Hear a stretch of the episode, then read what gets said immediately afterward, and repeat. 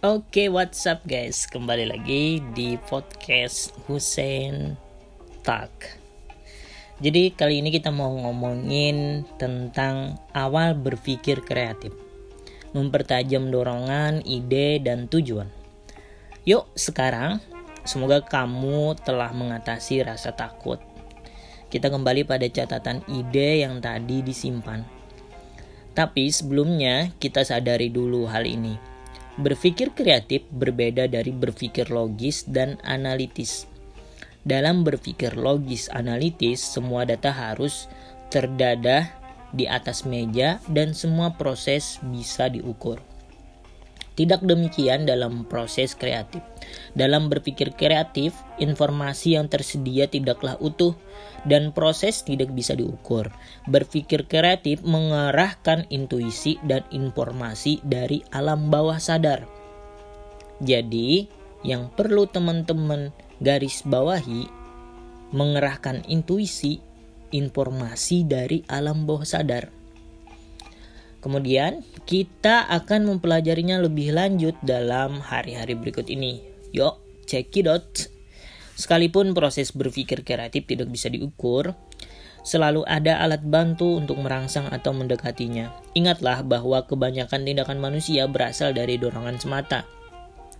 Para pemikir politik Eropa modern boleh saja menggambarkan Spartacus sebagai pejuang kebebasan kaum budak, tapi mungkin juga ia memimpin perlawanan karena dorongan ego pribadi.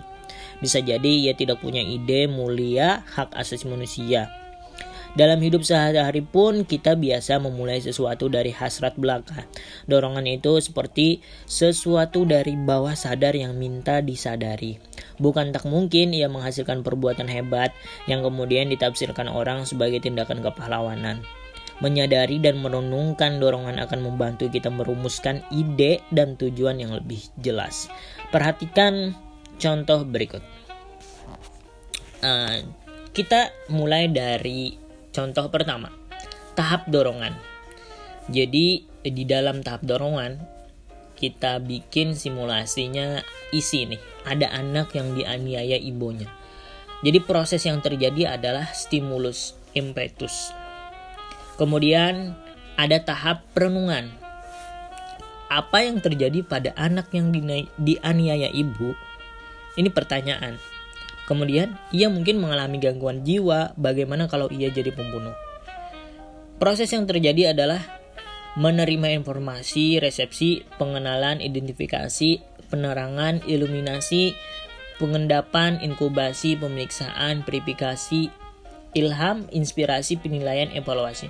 Semua bisa terjadi secara simultan.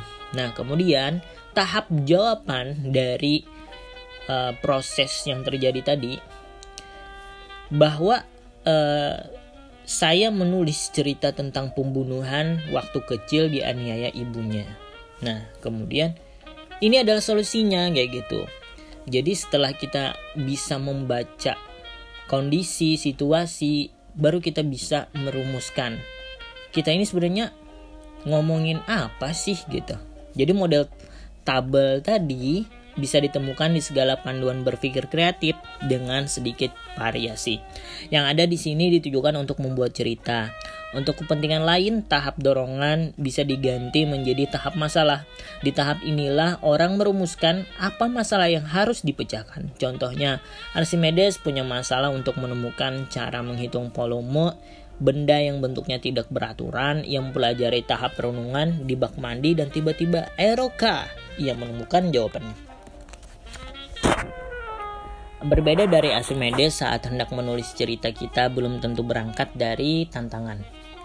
Kita berang, barangkali sama sekali tak tahu apa yang akan ditulis. Maka kita mulai dari dorongan, lihatlah contoh lain di bawah ini. Proses yang terjadi pada salah seorang peserta kelas menulis. Perhatikan betapa sederhananya proses ini. Kamu pasti bisa melakukannya. Oke, langsung. Kita bikin uh, contoh tahap kreatif, tahap dorongan. Isinya berupa saya ingin menulis cerpen yang agak seram, aneh lucu untuk pacar saya yang berbintang Sagittarius. Prosesnya adalah stimulus impetus. Kemudian tahap selanjutnya, tahap perenungan, apa yang lucu dari Sagittarius? Pertanyaan, Sagittarius itu aneh karena berkaki kuda berkepala manusia. Bagaimana jika betul-betul ada makhluk seperti seperti itu atau setidaknya ada manusia yang bisa berubah menjadi kuda? Kemudian prosesnya adalah menerima informasi, resepsi, pengenalan, identifikasi, penerangan, iluminasi, pengendapan, inkubasi, pemeriksaan, verifikasi, ilham, inspirasi, penilaian, inkubasi, evaluasi. Semuanya bisa terjadi secara simultan. Jadi tahap jawabannya, aha, saya menulis cerpen tentang lelaki yang menjelma kuda. Nah ini solusinya. Jadi dari sekian banyak metode kreatif, salah satu yang terstruktur kita bisa rentetkan nih. Kita sebenarnya mau bikin ide yang seperti apa, nulis seperti apa, bikin suatu hal yang baru seperti apa, gampang banget kalau kita mau.